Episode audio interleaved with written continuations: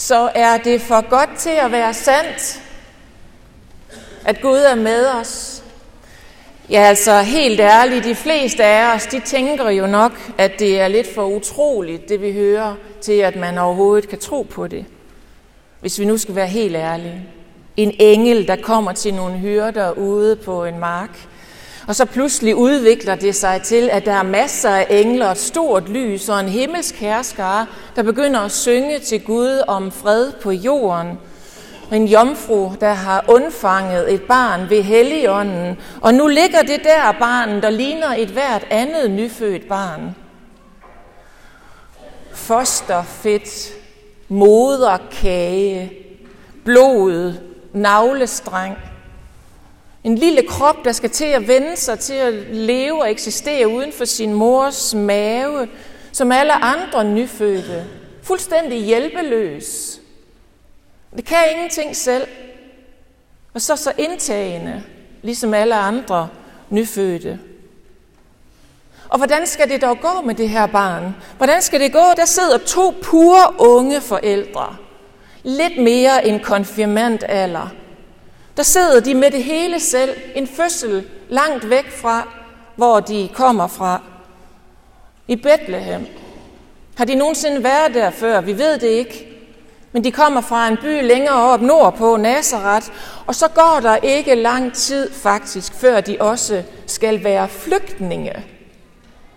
For det går sådan, at det er for farligt for dem at blive i landet. Kongen Herodes har udstedt en ordre til sine soldater, eller hvem det nu er, der går rundt og dræber folk i hans tjeneste, om at de skal slå alle drengebørn under to år ihjel, og det gælder så også deres børn, eller deres nye søn. Og så må de flygte. De flygter til Ægypten, og der sidder de dernede. Og de har helt sikkert aldrig været i udlandet før, for de var af fattige kår. Det ved vi. For da de skulle præsentere Jesus i templet, deres nyfødte, så skulle de ofre noget, og de ofrede det mindste, man kan ofre overhovedet. To små duer. Det var de fattige, der gjorde det. Det svarer lidt til vores ståb. Så kan man have to slatne duer med. Første besøg i udlandet som flygtninge. Fremmed sprog og fremmed kultur. Vi ved, hvordan det er. Måske hvis vi selv er blevet smidt ud i det at være flygtninge. Og der boede de de første 4-5 år af deres liv sammen som familie. Og jeg spørger bare, hvor finder man lige julepynt, der får os til at tænke på det? Fattigdom, landflygtighed og frygt for sit eget liv. Ja, det er ikke nede i Mærko, det kan jeg sige, for jeg var dernede i forgårs, så der hænger kun eventyr, engle og den slags. Så lad mig lige pege på det første, som vi kan notere os, når vi hører det her juleevangelium. Og det er, at hvis vi ikke forstår, hvor Gud er henne i vores liv, hvis vi ikke forstår, hvorfor han ikke hjælper os i vores svære situationer, hvorfor der er krig i Ukraine, hvorfor der er inflation i verden, og hvorfor der er så mange mennesker på flugt, fra ting, de ikke har noget med selv at gøre, og hvorfor der er steder, de har, kan være, der er lande, der har råd til at give dem en skav, men ikke kan gøre det uden at betale så høj en pris, at vi må sætte begrænsning på. Når vi tænker det om os selv, hvor meget mere tror vi så, at den her familie havde stor tro på den Gud, de stolede på, og troede på. Hvordan må det have været at få en engels besked om, at der er forkyndt en stor glæde, og så får man lagt det her spædbarn i sine arme, og så lige derefter, så er der soldater i nakken på en, der vil dræbe det med svær, hvad ved jeg. Hmm? Tror vi, det er nemmere for dem, end det er for os i dag? Tror vi det? Hvor godt tror vi egentlig, de forstod den Gud, som de troede på? Det her er ikke noget eventyr, venner. Jesus blev født ind i en helt specifik historisk, politisk og kulturel sammenhæng. Vi har informationer, der gør det historisk. Vi ved, at kejser Augustus var kejser i Romeriet på det tidspunkt. Vi ved, at Quirinius han var stadholder i den syriske del af Romeriet. Vi ved, at byen var Bethlehem, og vi ved, at Josefs slægt var af Davids slægt tilbage, der kan han have Davids navn på sin slægtstavle. Det ved vi. Det her er ikke noget eventyr. Det er beretningen om en historisk begivenhed, som når vi hører den, når vi virkelig hører den, så tænker vi, jeg gad godt, det var sandt, men jeg tror simpelthen ikke på det. Og lad os lige den, lad lige den stå et øjeblik. Her er en begivenhed i historien, som vi ikke tror på. I hvilken andre historiske sammenhænge får vi det sådan? Og jeg kan ikke fortælle jer, hvor mange gange jeg har siddet med indsatte i danske fængsler i samtaler om tro, hvor de præcis har sagt det her. Jeg kunne godt tænke mig, hvis det var sandt. Jeg ville ønske, det var sandt. Jeg gad godt, hvis det var sandt, men jeg kan ikke tro på det, når jeg ser, hvordan mit liv ser ud. Og min tese gennem årene, den er blevet, at når man har mistet tilliden til sin omverden, som mange indsatte har, når de sidder der og glor ind i en væg og en lukket dør, der er lukket udefra af mennesker, der har vendt dem ryggen. Når man sidder der og har mistet tilliden til sin omverden, så kan man høre, at her er en beretning, som man virkelig godt gad, der var sand. Man tænker ved sig selv, jeg vil gerne frelses. Og hvis det her det er sandt, så kan jeg blive det. Og det jeg ser i deres øjne, når jeg taler med dem, det er, at der kun er én god grund til, at juleevangeliet ikke skulle være sandt. Og det er, at det er for godt til at være sandt, at man konkluderer det. Nå, men så lad os lægge det til side lidt, og så lige spørge os selv, hvad det egentlig er, der så er sandt, hvis det er sandt. Og her kommer det eneste teologiske ord, som jeg vil give jer i aften og i dag. Inkarnationen. Chili con carne, det betyder en chili-ret med kød i. Inkarnation, det betyder Gud inkarne. Gud i kød. Inkarnation, det betyder, at Gud er blevet menneske, at Gud er kommet i kød og blod, som det vi er gjort af.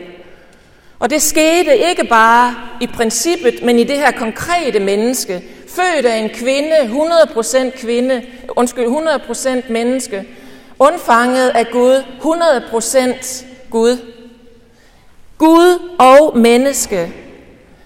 For kun sådan kunne Gud indefra, nede ved roden, gøre noget ved det, der forpester vores verden i dag, og har gjort til alle tider og tro det eller lade være. Men hvis vi kalder det et eventyr, en myte, en fortælling for børn, så smutter vi udenom, gør vi. Og det må man også gerne. Man må gerne smutte udenom. Men vi siger indirekte, jeg gad godt, det var sandt, men jeg tror ikke på det. Så lad os bare kalde det en myte. Men her skal være det, som jeg gerne vil sige. Vi skal vide, hvad det er, vi går glip af, når vi smutter udenom, i stedet for at gå ind igennem. Vi er rigtig gode til at smutte udenom, og det må vi også gerne. Men vi skal bare vide, hvad vi mister. Vi mister venner. Grundlaget for at gøre noget ved det onde, som forpester vores verden. Og det værste er, at hvis det ikke er sandt, at Gud er kommet ind i verden, så er der én overskrift for det, og det er, at vi mister vores egen troværdighed. Og nu før jeg begynder at kaste rådne tomater efter mig, fordi jeg så er den præst, der vil ødelægge julestemningen, så tænk lige på alle de sandheder, som vi i vores del af verden bygger vores samfund på, som vi tænker er indlysende, altså indlysende, og som vi bruger til at bekæmpe ondskab med. Menneskerettighederne for eksempel. Vi siger, det er indlysende. Vi siger, det er indlysende, at kærlighed er vigtigere og mere ædel end had. Vi siger, at vi skal beskytte minoriteter fra undertrykkelse. Eller vi siger bare helt grundlæggende, at vi har en grundlov, som vi skal observere, sådan at for eksempel når politiet tilbageholder et menneske, de mistænker for at være kriminelle, så har de ret til inden for 24 timer at komme i hvad? I grundlovsforhør. For at undgå, at man bare sådan vilkårligt smider folk i fængsel. De ting tænker vi, de er der indlysende, det kan være at se, men de er ikke indlysende, venner. De kommer og udspringer af den kristne tro. Og så tænker I, åh oh, nej, er det en af de der præster? Men prøv at gå ned på biblioteket og ned i boghandlerne og se, hvad der står på hylderne i øjeblikket og i disse år. Der står Tom Holland, der står Yuval Harari, der står Nietzsche, og alle de mennesker, plus en hel masse andre, konkluderer det her. Menneskerettighederne er ikke indlysende. Og alle de tre, jeg lige nævnte, bekender sig ikke som kristne i øvrigt. Det gør jeg jo, så derfor er jeg nemmere at vippe af. Men det kan man ikke så godt med dem, der ikke selv tror på det. Med andre ord, ved ikke at vise den kristne tro tillid, den kristne Gud tillid, så står vi foran at miste grundlaget for at fastholde de sandheder, som vi bygger vores samfund på. Og læg lige mærke til ordet tillid. For mere skal der ikke til end tillid.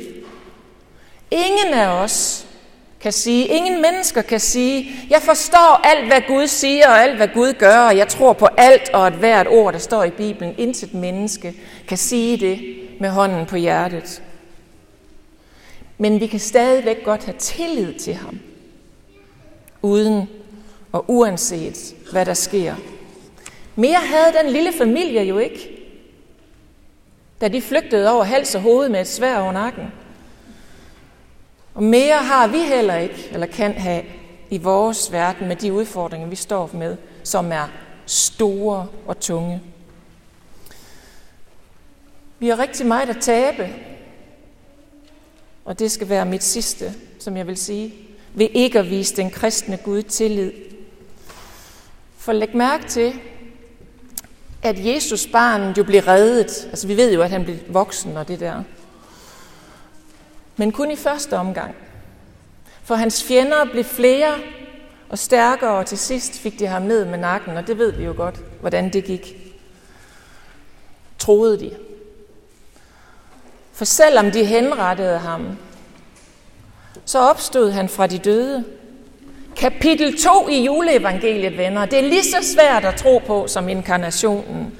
Men han gjorde det. Og hvad er det så, inkarnationen kan? Ja, den kan komme ind i kødet. Den kan komme ind i os kødelige mennesker og give kødet kraft. Giv kødet Guds kraft til evigt liv. Således at døden ikke kan fastholde noget menneske, som tror på ham, der er den kraft i os.